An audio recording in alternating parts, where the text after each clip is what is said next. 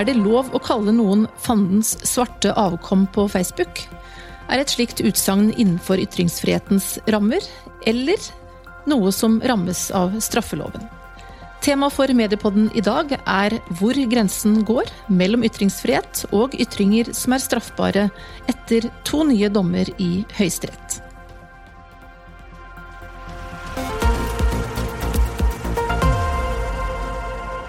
Første gang har Høyesterett nylig avsagt dommer som berører ytringsfrihet i sosiale medier.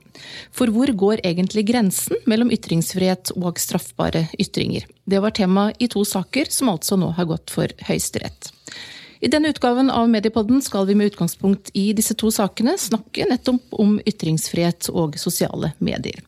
Og da kan jeg ønske velkommen til dagens to gjester. Advokat Jon Wessel Aas, som er spesialist på ytringsfrihet, og Kjersti Løken Stavrum, i denne sammenheng leder av den norske avdelingen av ytringsfrihetsorganisasjonen PEN. Og de to sakene som jeg nevnte innledningsvis, dreier seg altså om noen spesifikke Facebook-kommentarer, og hvorvidt de skulle anses å være lovlige, lovlige, ytringer beskyttet av ytringsfriheten, eller om de var over grensen for hva som er tillatt i henhold til straffelovens paragraf 185. Men før vi går løs på disse konkrete sakene, kan ikke du, Jon, kort oppsummere hva denne paragrafen i straffeloven faktisk forbyr? Jo, det skal jeg prøve å gjøre. Ehm, dette er en paragraf som eh, det er fortsatt noen som kaller den det. Eh, og i sitt opphav eh, så het den rasismeparagrafen før i tiden.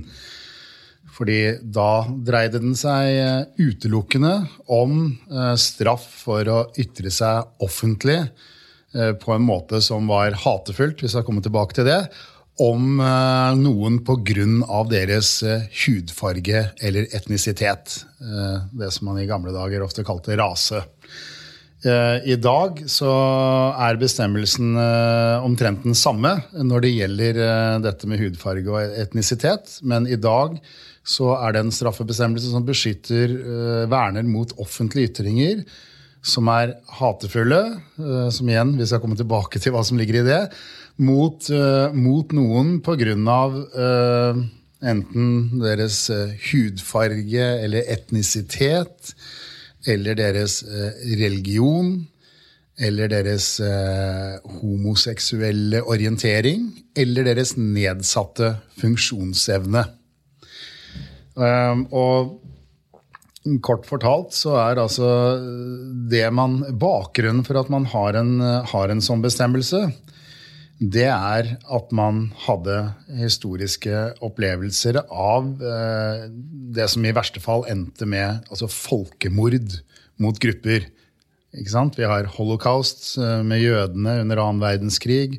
Vi har hatt eh, mange forskjellige tilfeller i verden, og i moderne tid har vi hatt det med muslimer på Balkan på 90-tallet. Vi hadde mellom hutsier og tutsier, som det het, forskjellige etniske grupper i, i, Burundi, også i nyere tid, som endte med folkemord. Eh, og, og den bestemmelsen dreier seg egentlig om å beskytte samfunnet mot spredning av ytringer som eh, kan du si, grovt sagt, som oppfordrer til forfølgelse av mennesker eller grupper av mennesker utelukkende basert på f.eks. en bestemt hudfarge eller identitet. Altså ting man ikke kan noe for, medfødte egenskaper.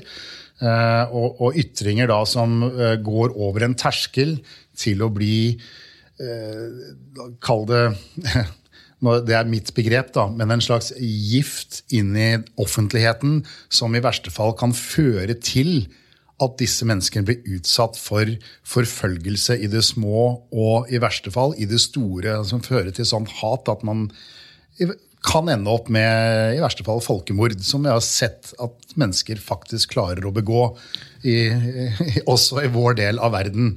Og så er jo det interessante da eh, nettopp denne terskelen, eller hvor eh, ja. grensene går. Og det var jo bl.a. tema i, i, disse to eh, sakene. Og vi kan jo eh, kanskje da kort oppsummere de to sakene som nå har ja. vært til behandling i Høyesterett. Dette var jo i utgangspunktet to helt uh, separate saker mot to forskjellige individer. Uh, det som var felles for dem, var at de begge hadde ytret seg på Facebook. Uh, og begge to var tiltalt for at de hadde oversatt denne grensen for straffbare hatefulle ytringer. Og bare for å, Det er greit å vite hva de hadde uttalt, eller i hvert fall ta disse kjerneytringene deres. I det ene tilfellet så var det i en Facebook-tråd hvor man diskuterte den unge, da kjente muslimske samfunnsdebattanten Sumaya Hirde Ali.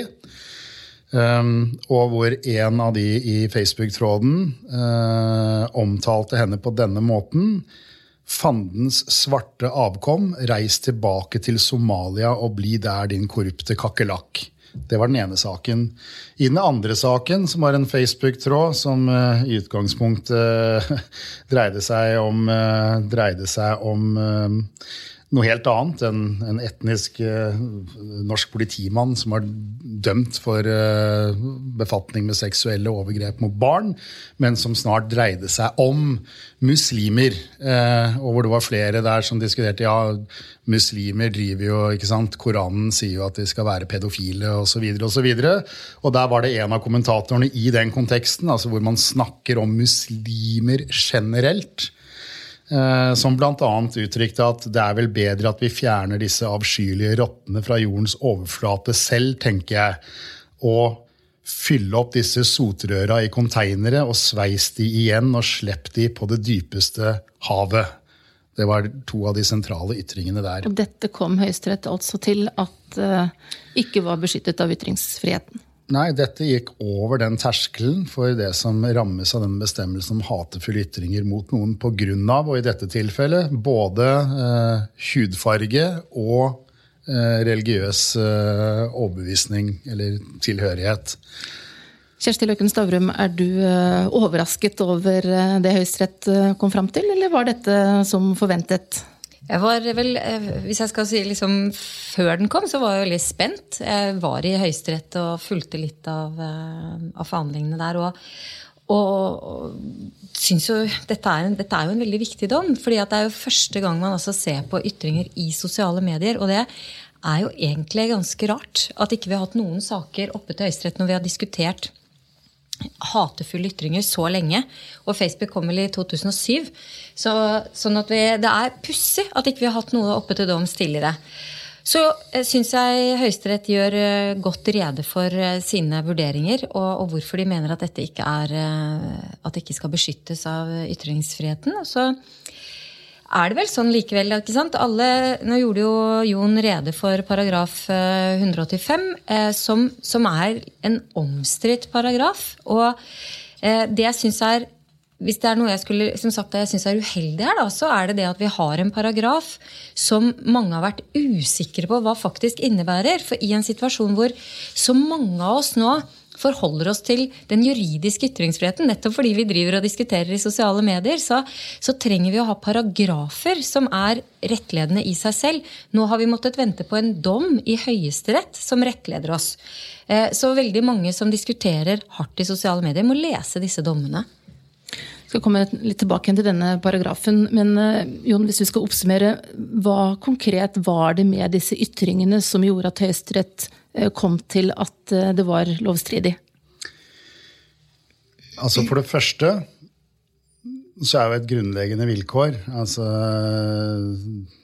Det å kalle noen en, en kakerlakk eller andre som kalles sånne ukvemsord, er i utgangspunktet eh, ikke straffbart. Et grunnvilkår er at ytringen, i tillegg til å ha et hatefullt innhold, som vi straks skal si noe mer om, at den er knyttet til f.eks. noens hudfarge eller etnisitet eller religiøse overbevisning. Det var jo, for det første, var det oppfylt i begge tilfellene. I den ene så gikk det jo direkte på fandens svarte avkom. Eh, ingen tvil om at det refererte til, til hudfarge. I det andre tilfellet så, så, var jo hele diskusjonen dreide seg om muslimer i Norge. Den muslimske befolkningen. Eh, som, som, var utgangspunktet. Eh, og hvor man bl.a. Ja, skulle fylle opp disse soterøra i konteinere. Dumpe dem på havet. Altså utrydde dem, rett og slett. Mm. Um, Sånn at uh, det grunnvilkåret at ytringen uh, knytter seg til, uh, til, noens hudfarge eller etnisitet eller religiøs overbevisning var oppfylt, så er jo den vanskelige delen om den er hatefull. og der, det, der, følger det at det som gjør den hatefull, er jo om, den, om, det er en ytring som på en måte oppfordrer til, altså, eller oppildner til forfølgelse, eh, hat mot osv. Noen på grunn av disse egenskapene. Og, og som Høyesterett også viser til, så er f.eks. Altså to sånne type tilfeller som vil rammes av det. Der er, der er hvor ytringen inneholder en, en oppfordring eller tilslutning til integritetskrenkelser mot noen pga. dette. altså Nærmest oppfordrer til å begå straffbare handlinger mot dem. Eller sier at skjer det, så vil jeg støtte det. Eh, eller ellers noe som innebærer en grov nedvurdering av den gruppens, eh, den gruppens, menneskeverd. Og det var det i dette tilfellet kom Høyesterett til? Ja, det kom de til i begge tilfeller. Eh, at her var det jo, her var det jo både dette en grov nedvurdering av en, av en gruppes menneskeverd, og, og koblingen mellom hudfarge og et skadedyr som gjerne utrydder, nemlig kakerlakker, i den ene. Og den andre rett og slett, eh, som Høyesterett sier, uten at de trenger å vurdere det her, langt på vei en oppfordring til å sant, utrydde muslimene. Dumpe dem på havet og drukne dem i konteinere. Um, så du kan si at sånn sett var ikke Høyesterett noe, noe i tvil. Men det som er problematisk eller vanskelig med denne bestemmelsen, det er grensen mot det som er rene politiske ytringer. Å være kritisk f.eks. til innvandring. For det var jo noe, i hvert fall en av de selv mente her, at dette var religionskritikk. Eh, ja. Så, så, handler dette også noe om um, skillet mellom det som går på sak, og det som går på ytringer eller negative beskrivelser rettet mot konkrete personer. Ja, og, og når du hører disse spesifikke ytringene, så er det klart at da da er, det, da er det, i grunnen litt vanskelig å se de, hva de representerer av religionskritikk.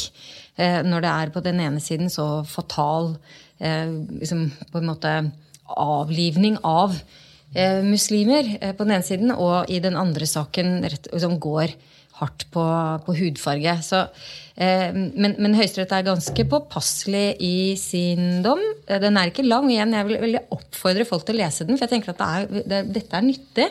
Eh, så, så, gjør de jo rede for at de vil verne om friheten til å kritisere religion. Og religionsfrihet er jo veldig viktig. Eh, det har det vært i, i Norge, og vi har fjernet blasfemiparagrafen av den grunn. Så Høyesterett forsikrer på en måte om at, eh, om at man fortsatt skal kunne skal kunne kritisere religioner. Det jeg synes også er verdt å nevne i denne sammenhengen er at begge disse to de diskuterer i, i grupper. I såkalte lukka grupper på Facebook så er ikke de veldig lukka, for det er ganske mange som, som følger de. Den ene er Vi som støtter Listhaug, som vel på det tidspunktet hadde 20 000 følgere. eller noe sånt nå, Jeg husker ikke helt det. Eh, og, eh, og den andre er en sånn fedrelandsgruppe. Og, og, og aktor argumenterte for at nettopp fordi de diskuterte i ekkokammeret, da, Eh, så burde det eh, tale for en strengere straff. Fordi eh, Og dette er jo da interessant. For her fikk de ikke motstand, rett og slett? De var omgitt av sine egne? Veldig godt. Det var akkurat det. Fordi ytringsfrihet Det er jo viktig å huske at ytringsfrihet er ikke min rett til å ytre meg, men det er vår rett til å ytre oss. Det er jo, ytringsfrihet er jo en dialog. Men når du da liksom pøser ut, og du bare har på en måte medvind, da, så, så skal man være særlig obs. Og jeg tror nok at det den legger igjen av av gode råd, denne dommen, er at hvis du diskuterer med likesinnede, så sørg for at du liksom på et tidspunkt tar deg en pause eh, og tar, ser det litt på avstand. Men Jon, dette med at uh, vi her snakker om uh, sosiale medier, og altså dette konkrete mm. tilfellet, eller disse sakene, Facebook. Det betyr altså at det gjelder akkurat de samme reglene for Facebook som om man hadde sagt dette på et møte, f.eks. NRK eller i pressen. Ja, så det, sosiale medier er si, eh, et sted der de samme reglene gjelder? Det er, det er for så vidt helt faktisk riktig at det er første gang Høyesterett tar stilling til å, å bruke den bestemmelsen på ytringer fremsatt i sosiale medier. Eh, det ble det kanskje gjort et litt stort poeng ut av i mediene på forhånd, at det var det som var så prinsipielt. Det uttaler Høyesterett seg ganske kort om at det reiser ikke noen selvstendige spørsmål. Poenget er at ytringene er offentlige. Eh, og det er de, selv om, en, selv om det er en Facebook-gruppe som du må være medlem av. og så er det så mange og som det selv om var gruppen er lukket også, så hvis den har mange medlemmer, så anses det for å være et offentlig sted. Ja, ja, det var jo flere medlemmer på denne Facebook-gruppen her enn det er hvis du står med megafon på torget i eh, Fredrikstad, der Medietilsynet holder til. ikke sant? Så, så det var det ikke noe tvil sånn om. at, Men, men det som eh, er interessant, og som de diskuterte litt, det var Man må jo tolke ytringer i sin kontekst. Og Som et eksempel så har jo vi stått her, og jeg har i hvert fall gjengitt det Høyesterett har sagt er hatefulle ytringer flere ganger i dette opptaket. Så nå Jeg- risikerer du en dom, da.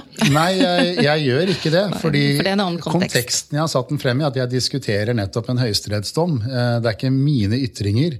Jeg gjengir dem og diskuterer dem kritisk og prøver å forklare.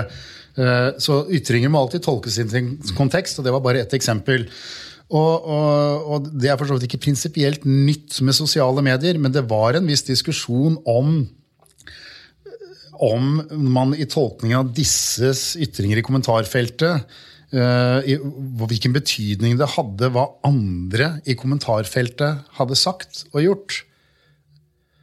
Og det Høyesterett sier der, er at det er ikke sånn at de skal holdes ansvarlig for at andre har sagt uh, stygge ting, eller kanskje til og med ting som var straffbare, men ikke ble tiltalt. Men når du skal forstå hva er det man snakker om her Én, er det en politisk diskusjon uh, om innvandringspolitikk, på en måte, som denne ytringen må tolkes i kontekst av? Nei, det er det ikke. Og det de så, var at her var det f.eks. i den ene hvor du ikke ser muslim nevnt i ytringen hans, så kunne du se av hele diskusjonen at det trengte ikke han å si, for det var det de diskuterte. De diskuterte den muslimske Så det er vanskelig å snakke seg bort fra det hvis man ut av konteksten ser at det nettopp Ja. er eh, det som er tema. Så det var det eneste som var en, en liten sånn diskusjon om hvordan skal man tolke ytringer i et sånt kommentarfelt. For denne 71 år gamle kvinnen hun ble jo i lagmannsretten faktisk eh, tilkjent ansvar for det de andre hadde, eh, hadde skrevet. Og da hun selv fikk anledning til å snakke i Høyesterett, så var hun opptatt av dette punktet at hun kunne ikke holde seg ansvarlig for det andre hadde skrevet. Eh, og det skriver Høyesterett at der er de også da uenige med lagmannsretten. At man, hun kan ikke holde seg ansvarlig for det andre skrev, men, men man legger til grunn at hun faktisk har lest det. Eh, Og jeg er veldig glad for akkurat dette med kontekst. At Høyesterett nå har sagt at ytringer kommer i en kontekst. Her kommer jo det da liksom uheldig ut for de som er straffet, kan du si. Men, men vi har jo hatt noen interessante og heftige diskusjoner her hjemme i Norge nylig. F.eks. Tore Sagen i eh, Radioresepsjonen, hvor, de, hvor jo hans ytring ble tatt ut av kontekst, og så diskuterte man bare akkurat et innslag der han jo egentlig, og veldig tydelig foran og bak, eh, prøver å late som han er rasist og klimafornekter. Eh, Men når du tar vekk kontekst, så ser, høres det ut som han faktisk er det.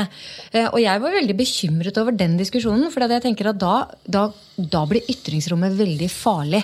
Hvis ikke noen skal ha ansvar for å se det i kontekst. Men Det slår begge veier. Men ytringer kommer i en kontekst. Det er et veldig godt eksempel, det med satire. Fordi det er en kontekst. Nå er ikke Satire er jo ikke et fast tømret eh, definisjon på det. Eh, Men der har du flere eksempler fra mediehistorien i Norge i nyere tid. eh, I hvert fall for de som ikke er altfor unge. Så hadde vi Otto Jespersen som hadde et program eh, på TV for eh, ja, 15 år siden, hvor en av rollefigurene hans var Nazi-Per. En litt stakkarslig fyr som bodde hjemme hos mor og likte å kle seg i SS-uniform og, og sa eh, litt dumme nazistiske ting. ikke sant? Han kunne aldri bli dømt for det. Det var veldig åpenbart satire. Og, og, og de som så på programmet, forlanger at de forstår at det er satire. Mens, eh, mens det fins saker fra Frankrike som har vært oppe i menneskerettsdomstolen og prøvd der opp mot ytringsfriheten, hvor man har også skåret gjennom det nytter ikke å bare kalle noe satire og kamuflere det som åpenbart er på en måte ment som å spre. Der var det antisemittisme. Så lett er det ikke. Nei, det er det ikke. Sånn at å ikle noe satirens form, hvis omverdenen skjønner at det er egentlig ikke satire, dette er blodig alvor. Men, eh, men det, kontekst er jeg helt enig i. Det er viktig i ytringsfrihetssammenhenger eh, alltid. Og ikke sant, ikke bare straffbart, men rett og slett når vi diskuterer det. Så, så da når jeg så at Høyesterett hadde lagt veldig vekt på at kontekst betyr noe, så det, det er en stein som er fint at vi kan legge ned og forholde oss til. Ja, og Det andre viktige som du har vært inne på, som jeg synes er viktig å si en gang til, det er at Høyesterett er veldig opptatt av her å trekke grensen mot kritikk mot religioner som sådanne. For det er maktkritikk. Eh, i noen samfunn er det der hvor det er ja, stats... Så tolker dere begge dit hen at dere er ganske fornøyd med dommen i den forstand at de tydeliggjør eh, rammene, men ikke bare hva som skal være forbudt, men også hva som definitivt skal eh, være en del av eh, ytringsfriheten? Ja, altså fornøyd og fornøyd, men, men jeg, jeg, tenker at dette er en dom vi kan akseptere. Eh, det er jo klart Når, når staten eh, skal ut, ut, og få bestemme hva vi kan si og ikke si, så, så er i hvert fall vi i PEN vi er jo veldig aktsomme. For vi er jo opptatt av at det skal være et romslig ytringsklima. Eh, men, men, som jeg var inne på i stad, ytringsfrihet går begge veier. Og i den ene saken så er det veldig klart, og det forteller jo også Høyesterett. De refererer til at Sumaya Jirde Ali at hun var, var en samfunnsdebattant. Hun trekker seg tilbake fra samfunnsdebatten som følge av alt dette. For Det er jo interessant her. Mm. Fordi at eh, Internett og sosiale medier har jo gitt flere mulighet til å ytre seg offentlig og med et større publikum. Noe som i utgangspunktet er positivt for ytringsfriheten. Men så er det jo sånn da at når disse mulighetene plutselig åpner seg opp for hver og en av oss, eh, så kan det jo være at eh, flere da sier ting som gjør at andre igjen trekker seg fra eh, debatten. Ja, og, og, som det etter hvert heter litt ironisk, sånn kan vi ikke ha det. Så det, man må jo da liksom avveie disse tingene mot hverandre. Og jeg syns jo det er verdt å merke seg Jon var så vidt innom det i starten. altså dette at, Sånn som i, i Sumaya Jirdalis tilfelle, da, så, så så er det da fanden svarte avkom. Eh, kom deg tilbake til Somalia, din korrupte kakerlakk. Eh, og, og, nå ser vi jo at Antirasistisk Senter har anmeldt Human Rights Service fordi de illustrerte en sak om dette med et bilde av henne, debattanten, og en kakerlakk. Eh, og mener at dette må være greit, fordi at det er det det handler om. Men, men det, det, interessante med det at det var, er jo egentlig ikke det det handlet om. Det er, det, det er rett og slett det første, første sekvensen i, i, det uttrykket. Eh, men jeg merker meg at flere liksom sier det må jo være lov å kalle noen for en kakerlakk.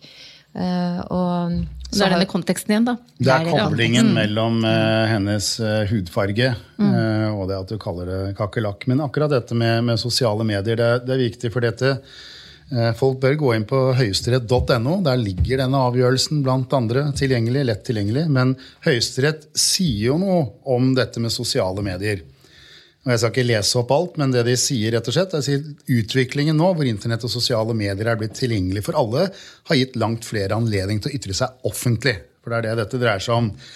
Det er positivt for samfunnsutviklingen at flere kan komme til ordet direkte uten å måtte gå gjennom redaksjoner og andre. ikke sant? Men det, de sier også, men det innebærer også at det er langt flere som da må bli fortrolige med grensene for ytringsfriheten.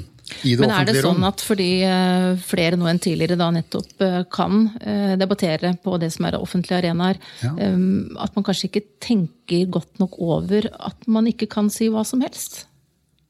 Ja, ja det, er jo, det er ganske åpenbart. Uh, og det er jo egentlig det de sier. De peker Sitter på det. Sitter hjemme i sin egen stue og skriver noe kontra hvis man står ja, på et altså, møte eller skriver et avisinnlegg, altså, så er man kanskje ting, mer bevisst? I hvert fall når det gjelder denne typen ytringer, hvor man jo beskytter offentligheten mot spredningen offentlig av den typen hat, så betyr det at disse ytringene kunne de gjerne ha ytret til hverandre over eh, bordet i en pub eller på kafeen uten at det var straffbart.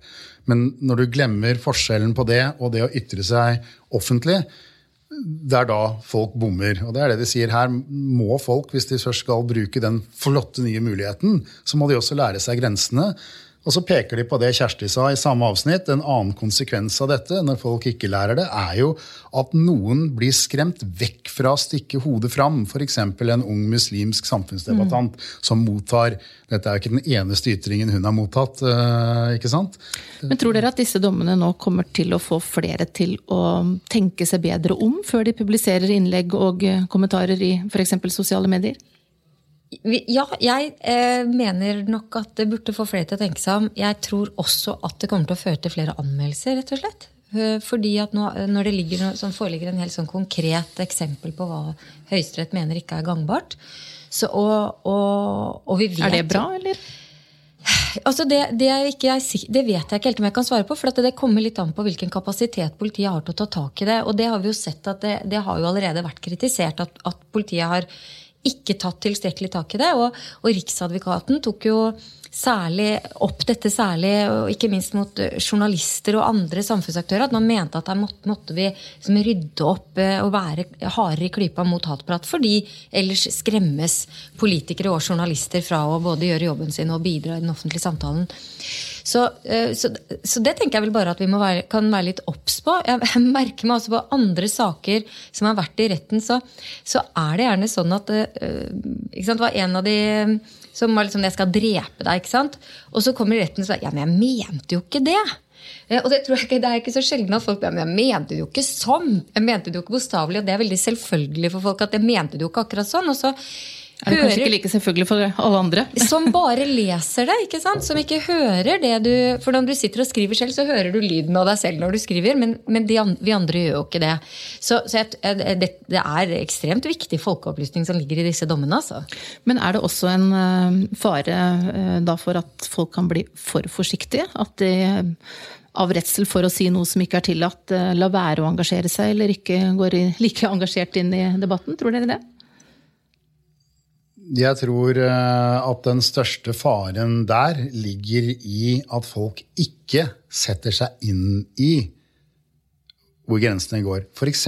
leser disse to siste avgjørelsene som jeg mener nå er det grenser for hvor folkelige domstoler kan skrive avgjørelsene sine.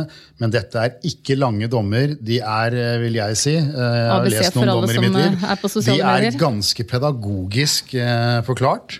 Å lese dem fordi sånn er det jo hvis folk ikke vet hvor grensene går, og bare hører at, eh, og ikke minst hører hvordan dette utlegges eh, i miljøer som kanskje fostrer noen av disse hatefulle ytringene, som, som, fremlegger dette som at nei, nå er det ikke lov å kalle noen en kakerlakk engang, eller å være, nå er det ikke lov å være innvandringskritisk lenger, så er jo det fullstendig misvisende. Hvis du går inn og leser denne, så vil du se du kan delta fullt ut i samfunnsdebatten og som Høyesterett sier, selv de usmakelige ytringene er det stort rom for innenfor også denne paragrafen. Det er de kvalifisert krenkende som det slås ned på.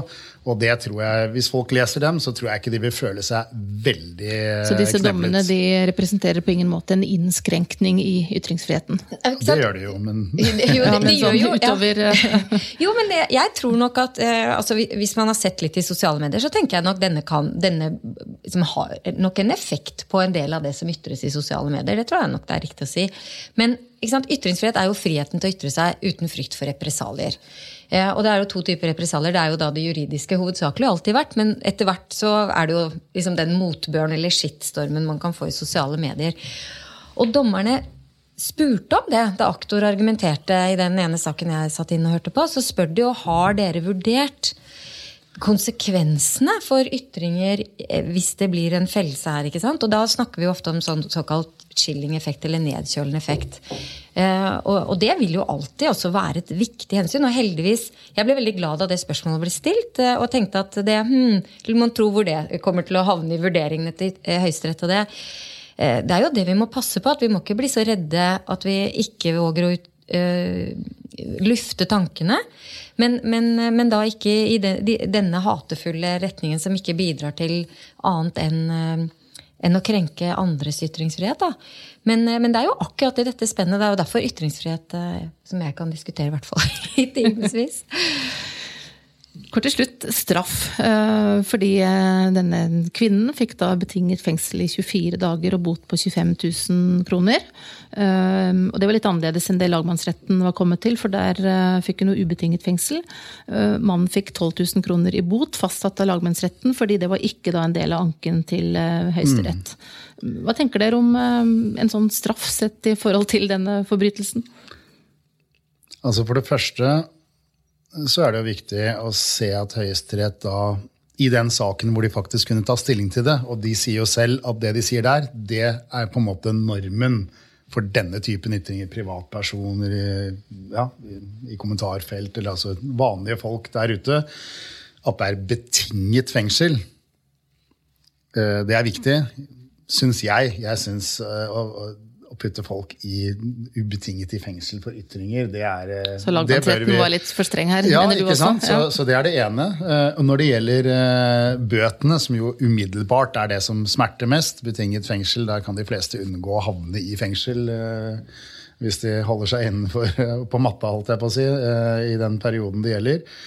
Der har de sagt rett og slett, der er det ikke beløpet som er avgjørende. De har sagt at der bør det være noe som merkes. og Tommelfingerregelen er at det bør tilsvare en brutto månedslønn for den som blir dømt. Så om din brutto månedslønn er eh, 200 000, det er det der. Men i dette tilfellet så var det vel da rundt 24 000 som var brutto månedslønnen. Det er det de har sagt. Det skal være følbart. Det er det Høyesterett sier. Er du enig, Kjersti, at dette er eh, rimelig? Ja, altså Da jeg kom til, eh, til domsbeslutningen, og, og så da Det var til og med mer for henne enn en, en måned. Det var vel halvannen, pensjon i halvannen måned. Så kjente jeg jo at liksom, mm, dette svir jo for henne. Eh, og det vil det gjøre for oss alle. Så Og det bør det vel kanskje også, når man jo, først, altså, når eh, du først er mener dømt? at dette var straffbart, så må det jo svi på et vis. Og så, eh, Du mister men ikke fikk- hus og hjem. Du mister eller, ikke hus og hjem, eh, men, eh, men du har altså gjort urett mot, no, her, et, mot helt konkret et annet menneske, og det vurderer Høyesterett det til. Så, så jeg syns jo Høyesterett har vært eh, veldig bra tidligere. Eh, for eksempel, eh, som jo er en helt annen sak, men likevel i, dette området med ytringer og formidling av informasjon, i Ulrik Imtias Rolfsen-saken, hvor, hvor de jo ikke bare lagde en god dom, men det som faktisk ble kåret til verdens beste dom. Eh, så, så jeg har, har hatt en veldig trygghet for at Høyesterett kom til å lande dette bra. Og jeg syns det var interessant at de, satt disse, at de satt to saker opp mot hverandre. At de hadde gjort liksom, tydelig en gode vurderinger i forkant. Så jeg tror vi kan leve med dette, men, men, men vi må merke oss at det svir for det som blir dømt. Tusen takk til Kjersti Løken Stavrum, leder i Norske Penn, og jurist Jon Wessel Aas. Du har hørt på Den norske mediepodden. Jeg heter Mari Welsand og er direktør i Medietilsynet. Hvis du ikke allerede gjør det, så kan du abonnere på podkasten vår og få den rett i din innboks. Og du kan også følge Medietilsynet på Facebook for å få innsikt om aktuelle mediespørsmål.